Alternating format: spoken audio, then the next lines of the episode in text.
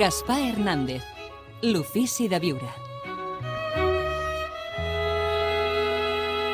Avui a l'Ofici de Viure ens preguntarem si hi ha sucres bons i sucres dolents, fins a quin punt és addictiu el sucre, si hi ha una alternativa, alguna cosa que ens permeti oblidar-lo, i què té a veure el sucre amb l'autoestima i l'autovaloració. Cada país té la seva cultura dolça. Nosaltres també, sense anar més lluny, els panellets ens arrodoneixen la castanyada per tots sants i els torrons i les neules de Nadal, el tortell de Reis, la mona, la coca de Sant Joan, etc. I no només això. El sucre afegit forma part de les nostres vides, molt més del que seria convenient, i no vol pas dir que no necessitem glucosa. Al contrari, com diu el doctor Miquel Masgrau, que ens acompanya avui al programa, la glucosa és el combustible que les nostres cèl·lules necessiten per funcionar. De fet, aquest és el fi últim de l'alimentació, proporcionar a les cèl·lules els seus requeriments de glucosa. D'aquí es va deduir que el sucre, químicament sacarosa, una molècula de glucosa i una de fructosa, és una font pura d'energia, un aliment molt potent. Ara bé, diu el doctor Masgrau, l'organisme no està dissenyat per assimilar la glucosa directament, sinó per obtenir-la sobretot a partir dels hidrats de carboni naturals, però també dels greixos i fins i tot el pot aconseguir a partir de les proteïnes. Per tant, es tracta de discernir entre tots dos tipus de sucre. Diu Neus El Cacho, que avui ens acompanya a l'Ofici de Viure i que ha escrit un llibre que ens ensenya a separar el gra de la palla i, a més, ens porta a la dolçor de la vida, eh, diu que aquesta dolçor no necessita sucres afegits. Per això el llibre es diu Estimar sense sucres afegits. Avui ens el presenta el programa a moda de pròleg la professional de la comunicació Pat Carrasco i diu això Estimar-me havia significat tota la meva vida menjar aquells capricis que em donava amb tot el seu amor la meva àvia. Estimar-me significa ara cuidar-me, donar-me allò que el meu cos realment necessita, nodrir-me, Avui, amb Neus El Cacho i Miquel Masgrau a l'Ofici de Viure, adeu als sucres.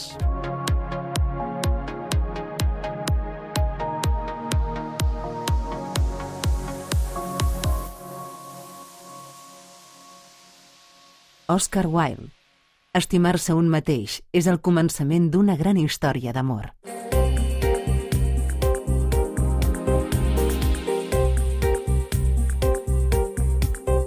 Hola, soc Carlota Portella, nutricionista integrativa, especialista en salut digestiva i hormonal, tecnòloga alimentària i xef de cuina saludable.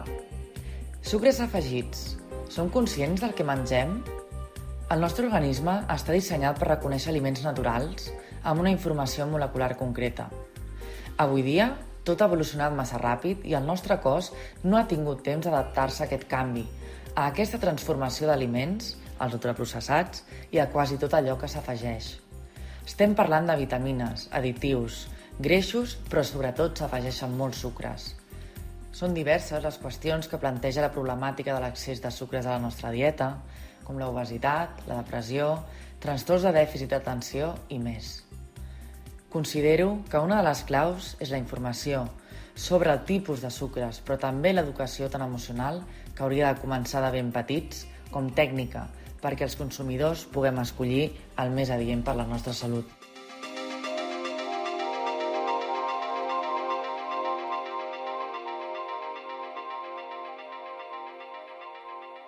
L'ofici de viure. Un programa sobre conducta humana.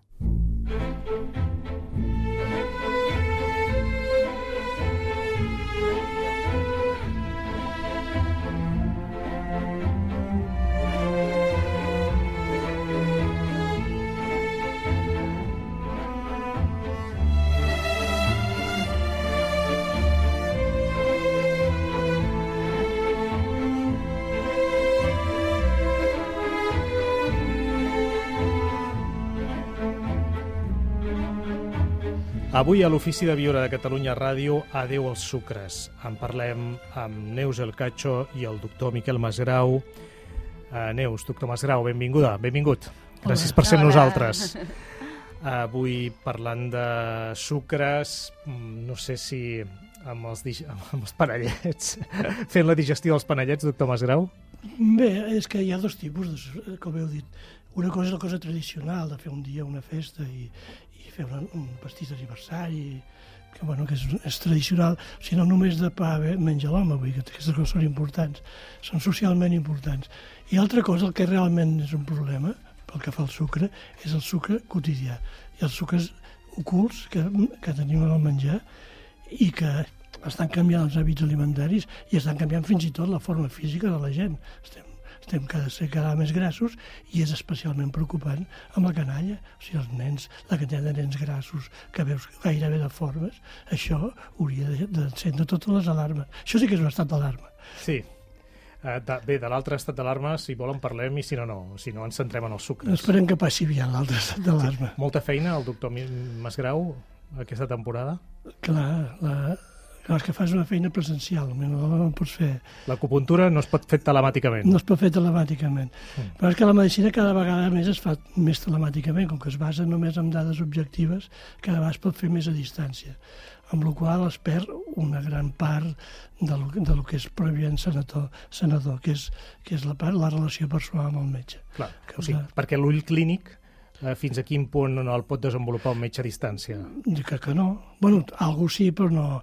Realment el que és com veus la persona i te n'adones del, del conjunt del que està passant. Uh -huh. I és que, doncs que avui dia ja no, no s'intenta curar la persona, s'intenta arreglar aquella xifra que està malament a l'analítica o aquella imatge que està alterada. Cada vegada es tracta menys a la persona i més a la malaltia. Uh -huh. Bé, eh, no és un tema nou que toquem amb no. el doctor Miquel Masgrau, tindrem oportunitats d'anar-ne parlant. Avui ens centrem en, l'accés de sucres el, i, i, i li preguntem, la pregunta és obligada, no? A Neus El Cacho, bé, com, com vas tenir la... d'on va sorgir aquest, aquesta idea de parlar-ne? Bé, doncs uh, la idea va sorgir de, després del primer llibre, de la dieta de les emocions, encara quedaven com molts dubtes, no? Hi havia molta gent que volia profunditzar més i jo veia amb la pràctica clínica com a nutricionistes, ostres, aquí realment hi ha un problema més important amb el sucre, no només amb la relació que tenim amb els aliments en general, sinó amb el sucre, és el, és el que el comentava abans el doctor, és la punta de l'iceberg del tot el que està passant a la nostra vida. O sigui, al final parlem d'estil de vida i parlem de vida, no? de com estem vivint avui en dia. Parlem de temes d'emocions, parlem de què fem, què prioritzem, i això doncs, al final es trasllada, és com si fos un, un, un mirall el sucre no? i la relació que tenim i aquesta relació que té tan important amb el fet d'estimar de, en general, no només a nosaltres mateixos, sinó com, com estem vivint, de quina manera vivim, vivim la vida, no? si ens deixem anar o no. Diu la Neus El Cacho, estimar sense sucres afegits. Alguna vegada has anomenat la teva parella o familiar o algú estimat bombó, caramelet, melindro, pastisset, etc. Sembla que dir coses relacionades amb els dolços a una persona és una manera de mostrar afecte, encara que avui dia t'ho digui directament la que et ven el pa o et cobra al supermercat. Per tant, tu series partidari de començar canviant els apel·latius als nostres éssers estimats? Perquè es fa, es, fa estrany, es fa estrany canviar de llenguatge i, com diu la guionista del programa, la Blanca Busquets, dir-li a algú de cop i volta cirereta o mongeteta.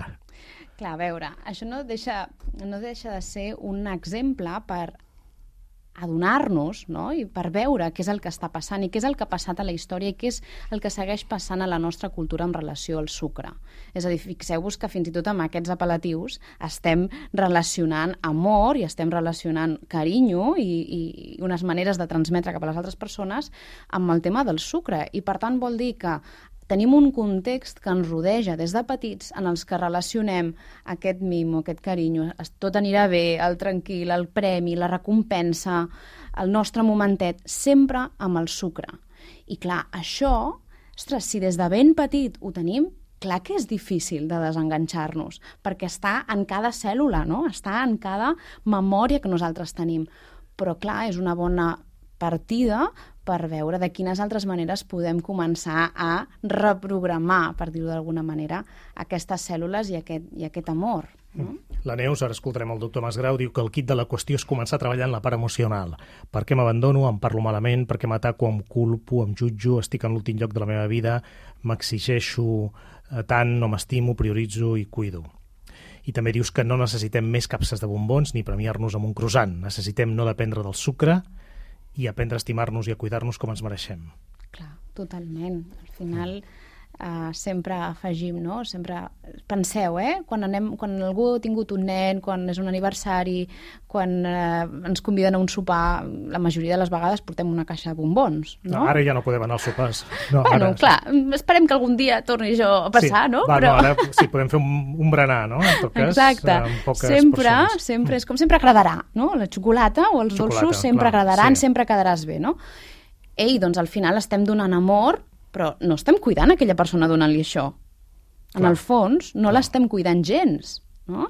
I és, hem d'anar canviant el xip de tot això, he de dir, ostres, i per què no preparem una recepta casolana sense dolços i ho regalem? O per què no mirem un- d'una altra manera mostrar sense haver de regalar? No? Moltes vegades és un, ai, m'he enfadat amb la meva parella, doncs li regalo... Ep, què està passant aquí des de la base? No? És...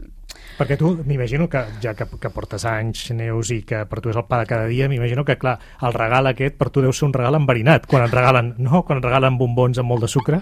Bueno, ara És és, una verí, mica conya encara, eh? És a dir, el meu entorn és, és, la, és la conya de, de dir no li regalis bombons a la Neus, no? Mm. Bueno, per mi és important anar plantant aquesta llavor, en general, per tothom, igual que quan parlàvem de l'alcohol, de no hi ha cap altra manera de celebrar que sigui amb una copa d'alcohol, no? Què ens passa? Per què ens hem de sentir tan malament les persones que brindem amb aigua? Doncs pues és el mateix, és a dir, obrim una miqueta la ment i pensem que hi ha altres maneres de fer les coses que ens poden tant cuidar físicament la nostra salut com també la nostra salut mental, que avui en dia és tan, tan important i que el sucre té uns problemes o sigui, realment és una pandèmia molt, molt heavy, però també és una pandèmia a nivell mental i emocional molt, molt greu.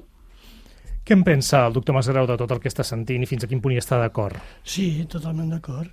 Però és que jo diferencio molt això, la cosa puntual, no, de, de, que- no és, no és saludable. Vull dir, el, el sucre no fa cap bé a la salut. Però fer-ho puntualment mm, hi ha tantes coses que no, no, que no van bé que tampoc l'has de destacar. Però el que sí és greu és el consum habitual, el consum quotidià de sucre. Que això és molt més gran del que normalment hom es pensa. I, i aquí és, és això el que fa realment mal. De tota manera, ens hem de treure la idea de que el sucre és una cosa bona i és un bon regal. Això, no...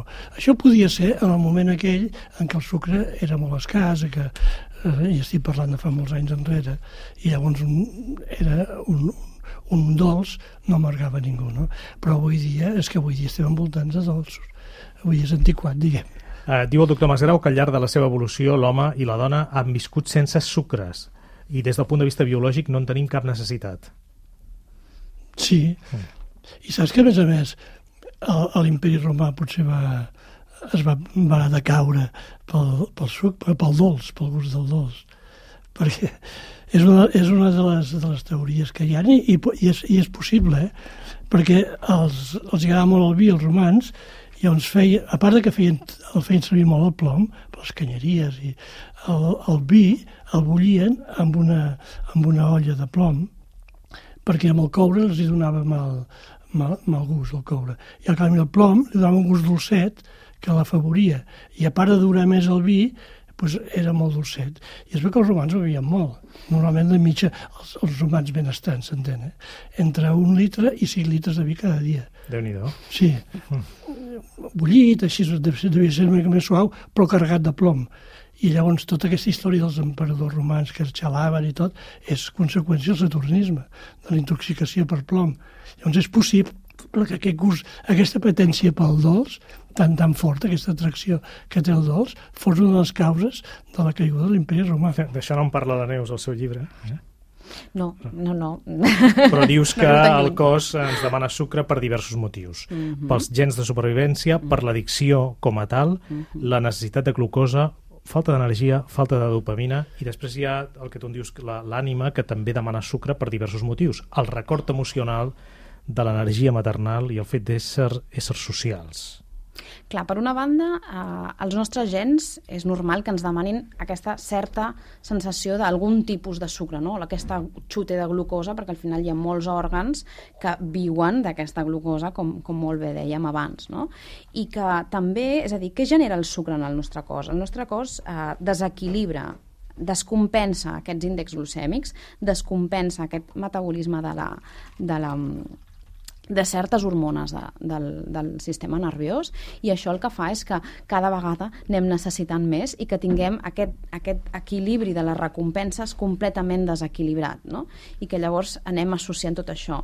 Clar, si hi ha una part física, genètica, inconscient, que nosaltres bé, doncs no podem tocar. Però a més això ho enllacem amb productes que van molt carregats de greixos, que van carregats de sals, que encara generen una sensació pel nostre paladar molt més gratificant, no? Encara és més difícil, perquè nosaltres també genèticament doncs, necessitarem aquells aliments que tenen més greixos perquè encara ens generen més reserves i pobrets encara no ens hem pogut adaptar genèticament, eh, no ens hem enterat encara de que no passem gana, llavors doncs, bueno, doncs això segueix passant, però clar, eh, el que et deia no? de, de, de l'ànima també ho necessita, pel que parlàvem abans de tots aquests moments en els que hem anat relacionant, com per exemple és que el primer gust que nosaltres sentim és el de la mare materna, no? és el de la llet de la, de la mare, de la llet materna, no? Llavors, clar, aquí ja van integrades aquestes emocions en el nostre inconscient, en els nostres músculs, en el nostre cos, totes aquestes emocions de reconfort que dèiem abans, de tot anirà bé, no? I que a vegades el nostre inconscient torna a demanar-nos aquestes sensacions i, ep, doncs em regalo aquest, aquest petit dolç. No? Llavors és un, ostres, doncs anem a preguntar-li, primer anem, a, anem a parar-nos, ànima, no? cos, com estàs? Com et trobes? Aquestes preguntes que sempre demanem que ens facin els altres, per què no ens les demanem nosaltres? No? I a partir d'aquí anem a escoltar també quines altres coses podem anar fent i podem anar integrant en la nostra vida per ajudar-nos, perquè la vida no és tot igual, no és sempre eh, constant, sinó que tenim necessitats i que hi ha cicles i que per tant això també és important que ho acceptem. Vas notar durant el, durant el confinament, vas notar que es consumia més sucre? I tant. Sí, sí, sí clar, sí. per compensar, no? Bueno, clar, i ara, amb el, tot el tema de l'obertura dels restaurants takeaway, no? De, que, clar, mm. què és el que, què tenim associat amb aquest tipus de, de menjar per emportar? Doncs menjar més hamburgueses, pizzas, tot això. Llavors, clar, penseu en la, en la idea de, del teletreball, molta gent que està treballant a casa i que, que sé què significa posar dins de casa la feina, que els límits són, són més oberts, no? Llavors encara tenim menys temps per cuinar, encara tenim menys temps per cuidar-nos perquè podríem estar allà hores i hores i és molt ràpid i molt fàcil agafar un... De tant en tant anar a picar. Un menjar per emportar. Eh? Sí, sí, clar. No? Llavors, mm. doncs, accedir a restaurants que ens donin alimentació per emportar saludable, també doncs, té la seva feina de buscar-la no? i de poder accedir, perquè no tothom podem accedir. Llavors, clar, en aquests moments en els que emocionalment necessitem més, més sentir aquesta veu de tot anirà bé, no passa res, tranquil·la, no? doncs és normal que necessitem més aquests, aquests aliments. Vaig veure, per ser un vídeo en què tu eh, bé, que estaves contenta perquè t'havies de desplaçar menys. Eh? O sigui, que, sí. que guanyaves molt de temps. Eh? Clar, la meva feina sí que és veritat que jo puc treballar més uh, online i que els meus pacients s'han adaptat moltíssim um, i així també evitem riscos, òbviament, però jo el, el temps que estalviem tots eh, fent tots aquests trasllats també és, ostres, doncs per què no dediquem aquest temps a, a cuidar-nos, que sempre diem com pot ser... És molt curiós el tema del temps, eh? tampoc vull, vull, vull dedicar-hi gaire temps, però sempre diem l'excusa, no, és que no tinc temps. No? Ostres, això és tan fàcil dir-ho i és tan, és també tan fàcil parar-nos un moment a, a dir i la de temps que passem? Eh, us heu posat a mirar alguna vegada al mòbil la quantitat de temps que passem dedicat a les xarxes socials i que passem mirant el mòbil per les nits o en qualsevol moment? Si aquest temps, mínimament una estoneta més, dediquéssim a fer altres coses, és que, és que el temps realment el trobem. No? Com pot ser que tots tinguem les mateixes hores i que hi hagi gent que realment es cuidi molt i que hi hagi altra gent que diu no, és que no tinc temps doncs és qüestió de prioritats. Avui a l'Ofici de Viure de Catalunya Ràdio amb la Neus El Cacho i el doctor Miquel Masgrau. Adeu als sucres. Alan Cohen. Estimar-te tu mateix ara mateix, tal com ets, és regalar-te el cel a tu mateix. Diu el doctor Masgrau, prendre sucre refinat en excés provoca un brusc alliberament d'insulina i una posterior hipoglucèmia reactiva que impulsa les suprarrenals a alliberar adrenalina corticos, corticosteroides, ho he dit bé? Sí, sí. cortisona, vaja. Amb un efecte estimulant per al cervell. I aquest és, en síntesi, el mecanisme de l'addicció.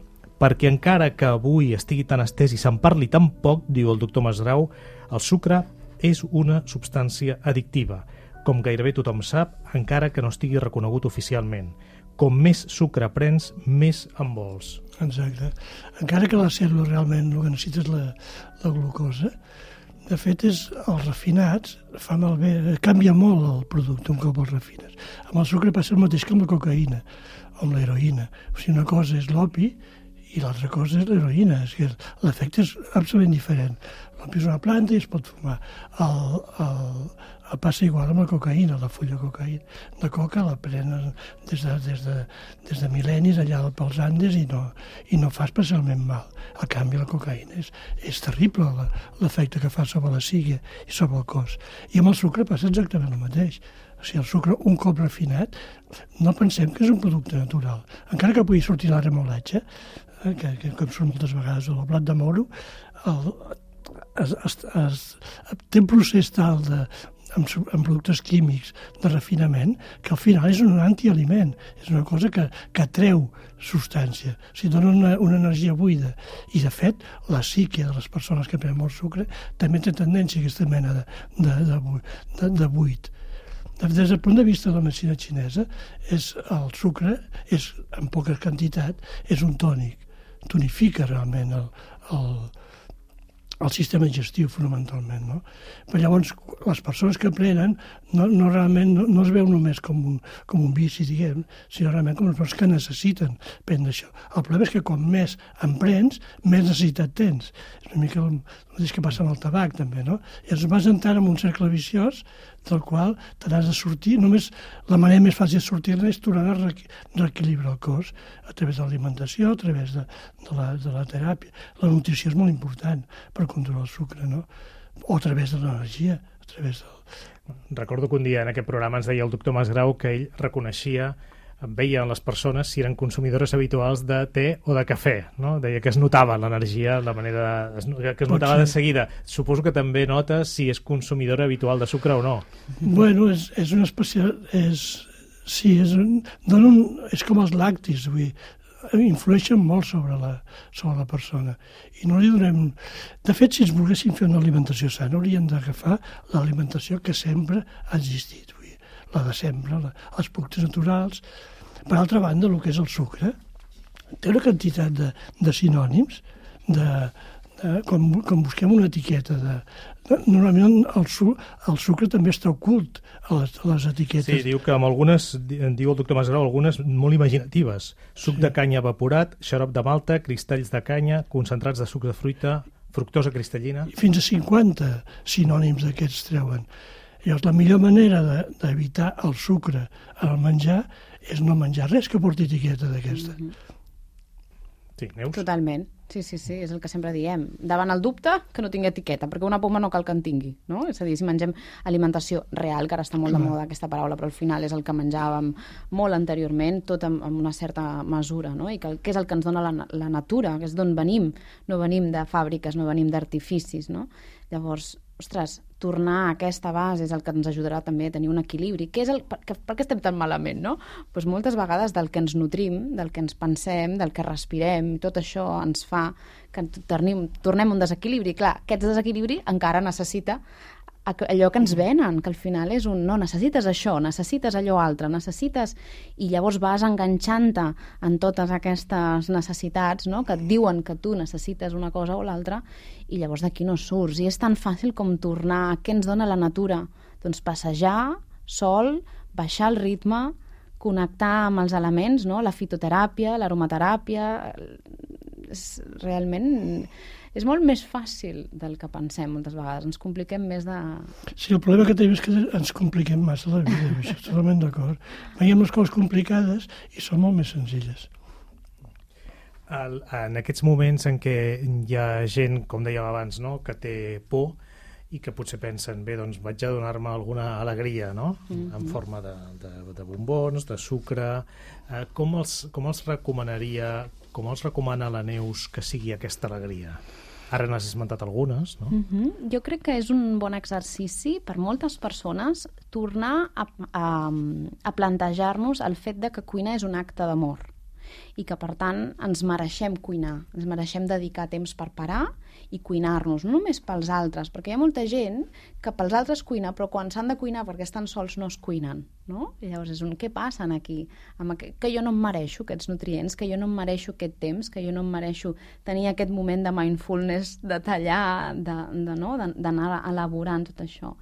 I al final, eh, doncs bé, bé, sempre, òbviament, quan hem de fer aquest procés de desenganxar-nos del sucre, no és gens fàcil. Jo sempre explico la meva experiència i jo sempre explico que jo, tot i que sigui conscient, després dels Nadals, després de l'estiu, que menges algun excés més, torno a sentir aquesta sensació de ai, ara ja s'han acabat els Nadals, però menjaria una miqueta més de torró, no? O menja... Torno a sentir. Llavors és quan ets més conscient de que realment el poder que té, com pot ser que un objecte, que un aliment, tingui el control sobre un ser humà? Això és molt fort. És a dir, que qui té la ment i que té la capacitat de decidir soc, soc l'humà, no és l'objecte, no? Pues Fixeu-vos la capacitat que té hormonal d'enganxar-nos, de, no?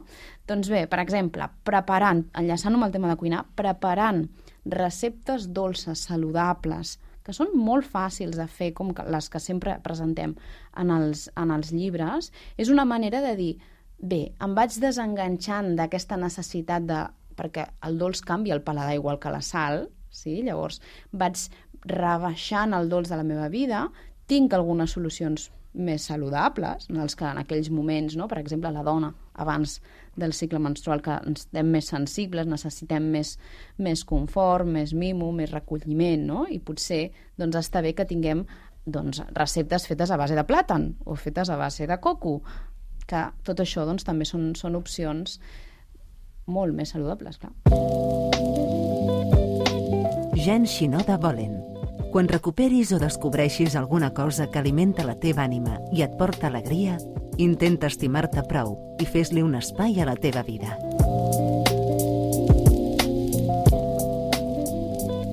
La Neus El Cacho dona una idea de com viure en plenitud sense necessitat de sucres a estimar, sense sucres afegits i ens diu vull que avui et centris a expandir la teva sensació d'amor de dins cap en fora i que estiguis tan present com puguis en tu i en l'ara durant tot el dia. Cuina amb amor, menja amb amor, besa i abraça amb amor, parla amb amor, treballa amb amor, escolta amb atenció plena, sense pensar, el que sigui que hagis de fer, fes-ho, però sentint pau, serenitat i plenitud en el teu cor, sentint que ho fas posant focus en el teu cos, Espera el tren, l'ascensor, el microones, algú centrant-te en el teu cos intern, ocupa el teu cos, allunya't de la teva ment, dius que envellirem més lentament i que millorarem el nostre sistema immune si ens ocupem del nostre cos i ens allunyem de la nostra ment, i preguntes, t'has fixat que els nens no utilitzen bé els termes demà, ahir, la setmana que ve? Els nens no són conscients del temps. Sigues nen en aquest sentit, no? Estigues present bé, són algunes pistes, algunes eines que ens poden ser molt útils. Um, per parlar, bé, parlar amb amor també seria una, no? també estaria molt bé, eh? Sempre ens, ens fixem en que volem que els altres canviïn i el canvi sempre ha de començar des de nosaltres mateixos i, i això al final ens, ens acosta a, a viure la, la, la vida d'una manera diferent, no? Jo sempre, eh, en el llibre, que profunditzem molt i que faig moltes preguntes, al final és una llibreta, són 21 dies de, de revisar com, com, com va la vida i quines coses poden estar generant que tingui aquesta ansietat cap al menjar preguntar-nos uh, quina relació tenim amb el nostre cos, com ens parlem a nosaltres mateixos, com ens jutgem, no? Perquè al final ens passem la vida jutjant i criticant i posant sempre el pero i posant sempre uh, totes aquestes no, sempre volem millorar i ens falta aquesta connexió amb, el, amb, amb lo bo, amb l'orgull, amb, amb, amb com, com estem ara amb, amb aquest present, no?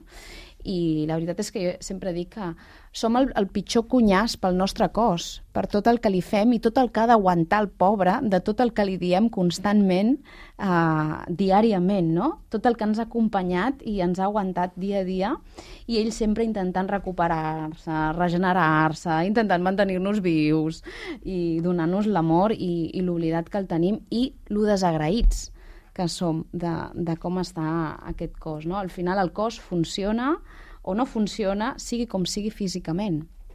I per tant, eh, al final no és un tema de salut, sinó de, també de com ens matxaquem i com ens intentem connectar entre o em trec el sucre completament, això és com les dietes, no? O faig dieta estricta i m'ho trec, o llavors ja passo a l'altre extrem. I els extrems sempre ens porten a un problema. Eh, recordo que sempre amb el doctor Masgrau ja fa molts anys, molts, que eh, ens ha dit en aquest programa que de règims res de res, perquè de règim ja n'hi va haver un. Eh? L'expressió que utilitzava el doctor Masgrau era de règim. Sí, Sí, vos li dèiem règims abans, però realment el que s'ha fer és el menjar sa, el menjar, el menjar real, que diuen ara, menjar coses que alimenten. I llavors allà vas trobant el dolç allà. És que el problema d'aquest dolç, un dels problemes secundaris que té, és que et perd, perd la sensibilitat per captar el dolç dels aliments, mm. que hi són. Que hi són, clar. Sí, i a més són molt valorats, diguem, el, jo què sé, la pastanaga, la carbassa, la, la, la ceba, hi ha quantitat d'aliments que ja tenen aquesta dolçor. I ara pràcticament no notem, perquè tenim el sentit del gust to totalment deformat mm. pels, per, per aquest excés de, de sucre en tots els aliments. Excés de sucre i, i tot, tota mena d'accés, també s'ha de dir, eh? perquè eh, ens hem acostat al paladar a uns sabors tan forts que després no apreciem el bo. Això és la gràcia de fer un dejuni, per exemple, no? que que després, un cop acabes, tornes a saborir realment el, el, els aliments en tot, i els disfrutes realment. No? A part que, que quan fas el, el dejuni tens la, prim, la millor font d'alimentació que hi ha, que és les teves pròpies, el que et sobra, diguem, saps? Que clar, llavors això ho vas, ho vas consumint i això realment és, és, és el millor que es pot consumir perquè una altra idea que hi corre molt avui dia és que, és que de fet, som, necessitem menjar tot el rato. Anem sobrats de menjar. Mengem massa. No ha sucre, mengem massa de tot. Llavors, menjar, moderar-nos en el menjar, cosa que també és bastant oportuna pel temps que corre, menjar poc i menjar sa pel, pel cos és, és el millor que hi ha. Sí, Neus, totalment d'acord. Sí, sí, jo estic d'acord que mengem massa i del que parlem sempre del 6, no? Els 5 o els 6 àpats al dia, que aquí ja entraríem en un altre tema, però al final el que estem veient és que el cos necessita uns nutrients, siguin en els àpats que siguin, adaptant-se a l'estil de vida de cada persona, òbviament. Però no cal que estiguem tot el dia menjant perquè anem... I el problema és que no ens movem. Aquesta és la base, de que tenim un accés d'aliments i que si no ens movem, no? que quan ja li planteges els 10.000 passos a la gent, diu, mare de Déu, però com he de fer 10.000 passos? I dic, clar, o no, 3 dies a la setmana de fer esport. Dic, que la setmana té 168 hores m'estàs comparant 3 hores amb 168, que la resta estàs o, o estirat o sentat, és que el teu cos no està fet per això, és que clar que emmalalteixes, clar que et trobes malament, clar que estàs de mala llet, és que estem fent-ho tot tan en contra natura, estem fent tot el sistema fa que estiguem fent tot tan al revés que clar que és normal que ens trobem tan malament. Per tant, hem de tornar a buscar allò que intuïtivament no, ens fa reconnectar amb la natura, amb els elements de la natura, tot ens ajudarà. Com més a prop estiguis de la natura, millor estaràs en tots els sentits. I això és important eh, bueno, doncs, adonar-nos de quins elements ens estan afectant no? la societat, doncs el, el que veiem, com dèiem, no? doncs, eh, de, de, dels, dels mitjans, què ens estan fent per les nostres llibertats, que això també és molt important, perquè moltes vegades és que l'únic que podem escollir és el que mengem. Llavors, clar, si a més ens traiem això, pues ja és com, Dios mío, no? Mm. Què, què, què estem fent? I aquest és el problema, que no tenim suficients llibertats avui en dia. No? Uh, jo tinc una, una cosa que a mi em segueix afectant molt i és que, segons els estudis, el 33% dels joves d'entre 15 i 29 anys considera acceptable controlar la seva parella.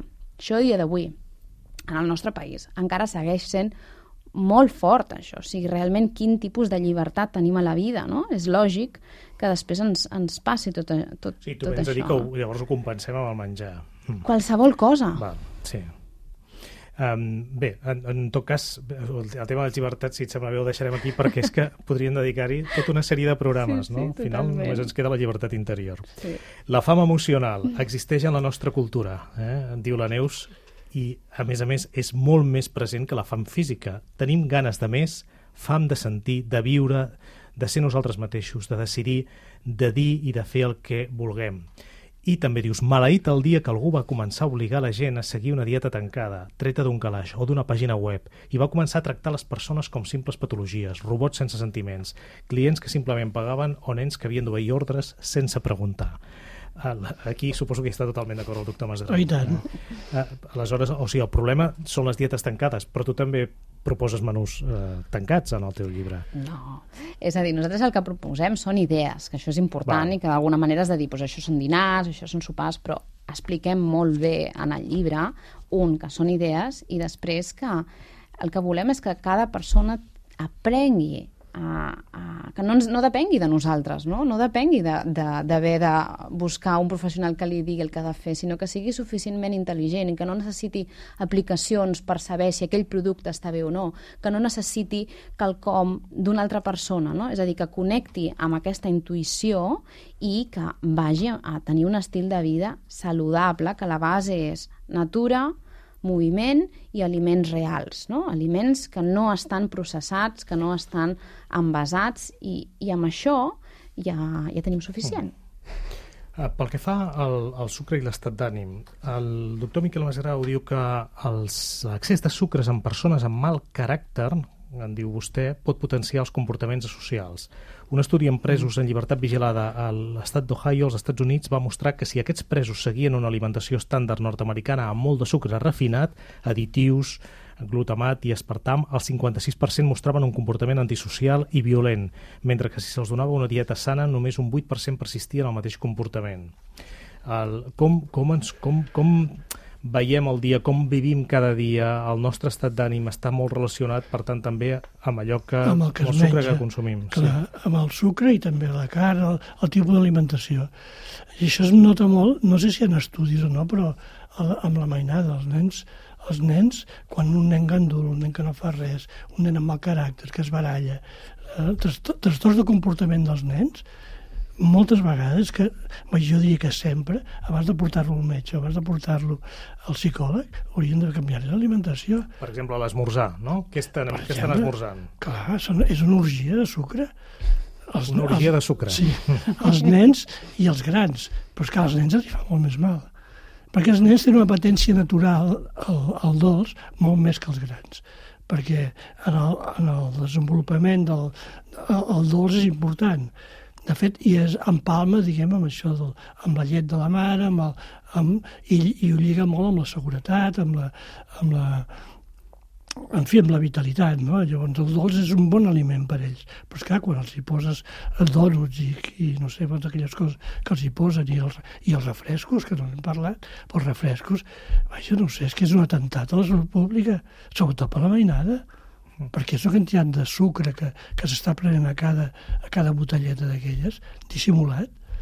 Tot, tots confiem, però, en que les administracions de tot el món això ho tenen ben controlat, perquè si no, no es comercialitzarien. No? Jo no entenc com no, com, com no es prohibeix. Vaja. És que, de fet, manen més els, que no pas els, el marge que tenen els, els polítics són, és molt més petit del que ens pensem. Només manen sobre els, els que no podem dir res.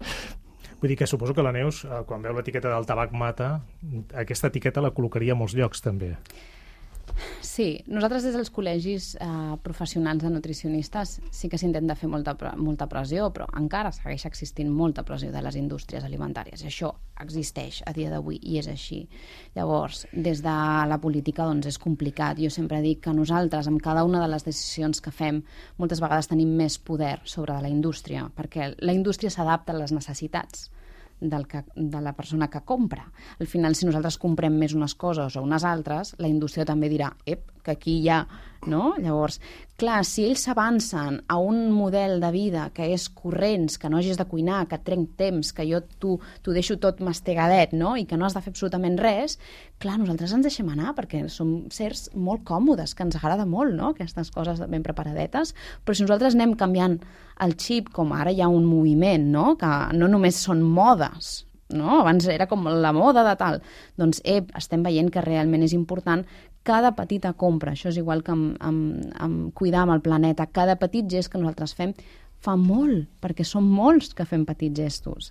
I per tant això és molt important per arribar a fer un canvi en el que òbviament necessitem ajuda, de, és a dir, sí, necessitem ajuda no? des, de, des de més gran, però nosaltres també podem fer aquestes petites cosetes.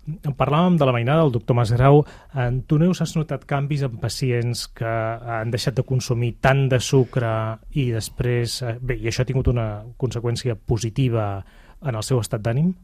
És que et canvia la vida completament, no? Eh, és veritat que costa, perquè al final quan parles de nutrició, nosaltres parlem, és que jo no només parlo d'aliments, al final potser és el, com a molt el 30% de tot el que la persona l'està afectant, no?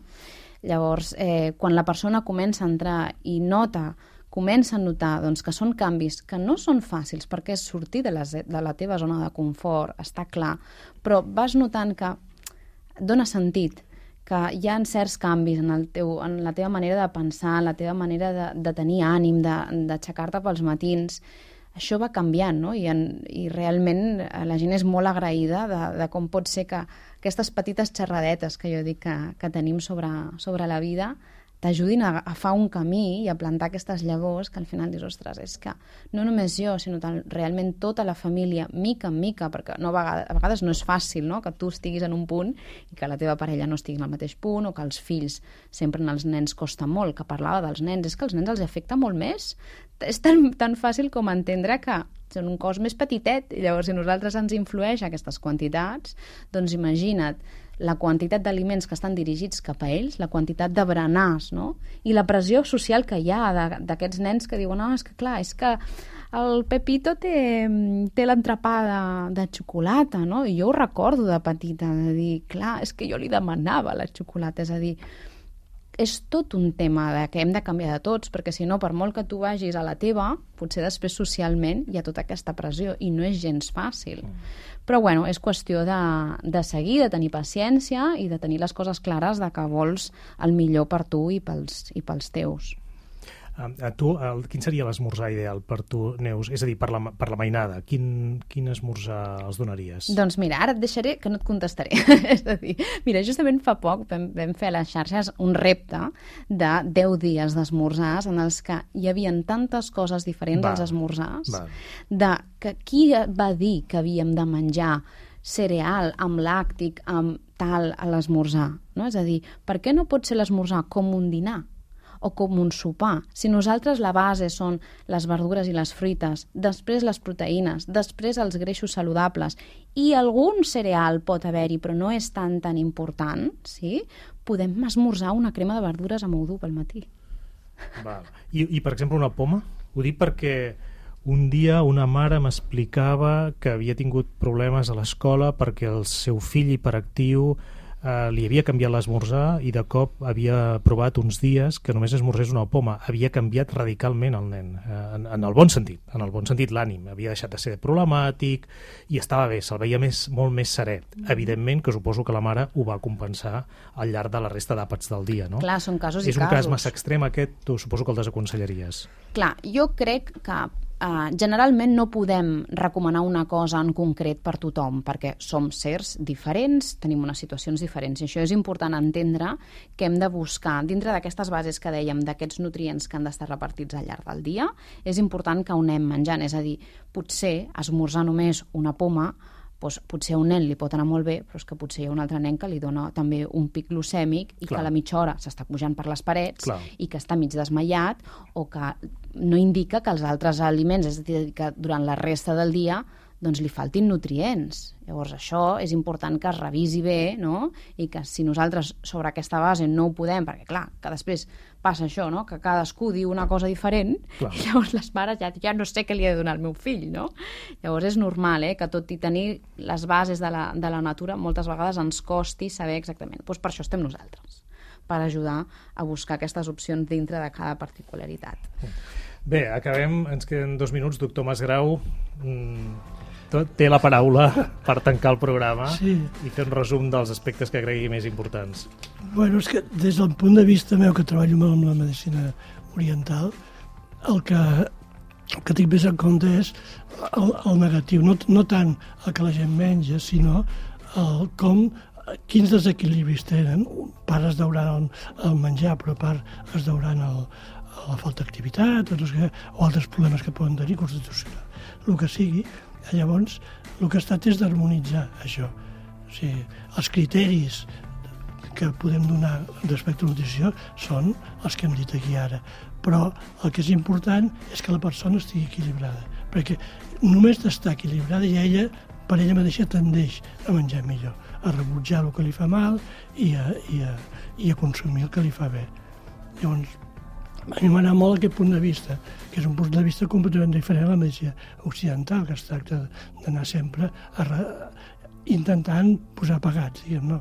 Això és el contrari, a veure què és el que està flaquejant, ho, ho, apuntades, el sucre, per exemple, és, és, és un dèficit, necessita, necessita menjar, necessita tonificar. Llavors, si aconsegueixes tonificar-ho, ja no necessitarà menjar sucre hi ha una part que és d'hàbit, que això, això sí que s'ha de mentalitzar, però la part de, que, del cos que crida ja s'haurà...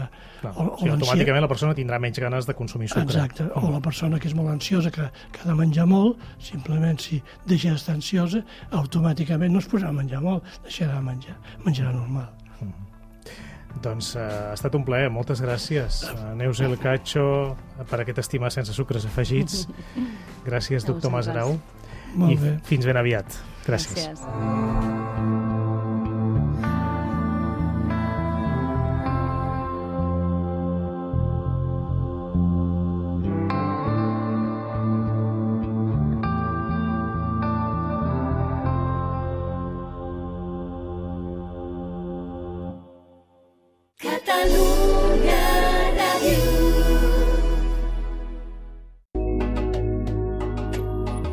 L'ofici de viure. Un programa sobre conducta humana. Sergi Torres.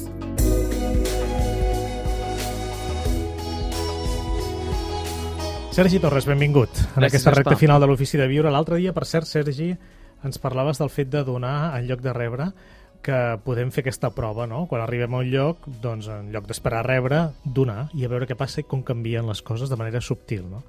Eh, recordo que eh, l'amic Francesc Miralles sempre diu que un cambrer té molt de poder perquè amb un somriure pot canviar l'estat d'ànim del dia de la persona, del client, eh? només amb un somriure o amb un, només amb un comentari agradable. És cert. Mm, per tant, podem donar accions molt poderoses eh? i un somriure pot ser una d'elles. Exacte, perquè sovint també tenim en ment, quan escoltem la paraula donar, donar alguna cosa, un objecte, no? Però un somriure, per exemple, o una disponibilitat interior, està disponible. Hi ha persones que estan disponibles i això, això també es dona i se sent. Avui volíem parlar de, de la personalitat i és un exemple molt clar, perquè la personalitat, que és aquesta mena d'identificació o personatge que nosaltres presentem en aquest món, l'hem creat o l'hem anat construint a través del temps i les nostres experiències per ocupar el lloc de la nostra essència o de qui som realment a la nostra vida. És per això que la nostra personalitat ha estat emmarcada per la nostra cultura o el lloc d'on hem heredat tot aquest coneixement. I és per això que les personalitats varien en funció d'on neixes o amb qui t'eduques, però hi ha una essència al darrere. I aquesta essència, per mi, és la presència, que estem molt poc acostumats a viure en la presència. Però quan comences a observar la teva personalitat i a donar-te en compte que la personalitat és només un aspecte de tu, com pot ser un braç o pot ser un nas, llavors també et dones compte de que darrere d'aquesta personalitat hi ha algú observant la personalitat. Quan jo sóc conscient de la meva personalitat, de la meva manera de ser, també puc ser conscient d'aquesta consciència. Aquesta consciència, quan comencem a conèixer-la i comencem a, a vincular-los a ella, comencem a veure que hi ha, per exemple, el famós acte de presència. L'acte de presència no només és assistir amb el cos, sinó estar present i estar conscient. Aquest acte de presència ens porta a sentir amb uns matisos que no sentim quan sentim a través de la personalitat. Et poso un exemple. Quan jo em sento trist, si sento la tristesa a través de la personalitat, ja començaré a pensar, ostres, una altra vegada trist. Ja començaré a pensar, jo no vull sentir-me trist, em vull sentir alegre, perquè tindré records d'alegria que són més agradables i tindré records de tristesa que són més desagradables. Però en realitat la presència el que fa és assumir, integrar i explorar el que estàs sentint en aquell moment. Això fa del sentiment de la tristesa una eina per descobrir-te a tu mateix i descobrir els matisos de la tristesa. Per tant, quan jo sento tristesa des de la personalitat, ja la conec, ja sé què és, me'n vull desfer d'ella. No aprenc res.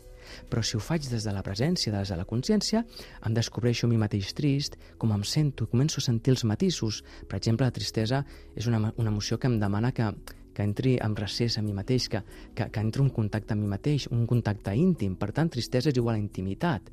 Per tant, això m'ho ensenya la presència i no la personalitat. Molt interessant. Com sempre, Sergi Torres, moltes gràcies. Gràcies, Espa. Als oients i a les oients també. Moltes gràcies. Una abraçada. thank you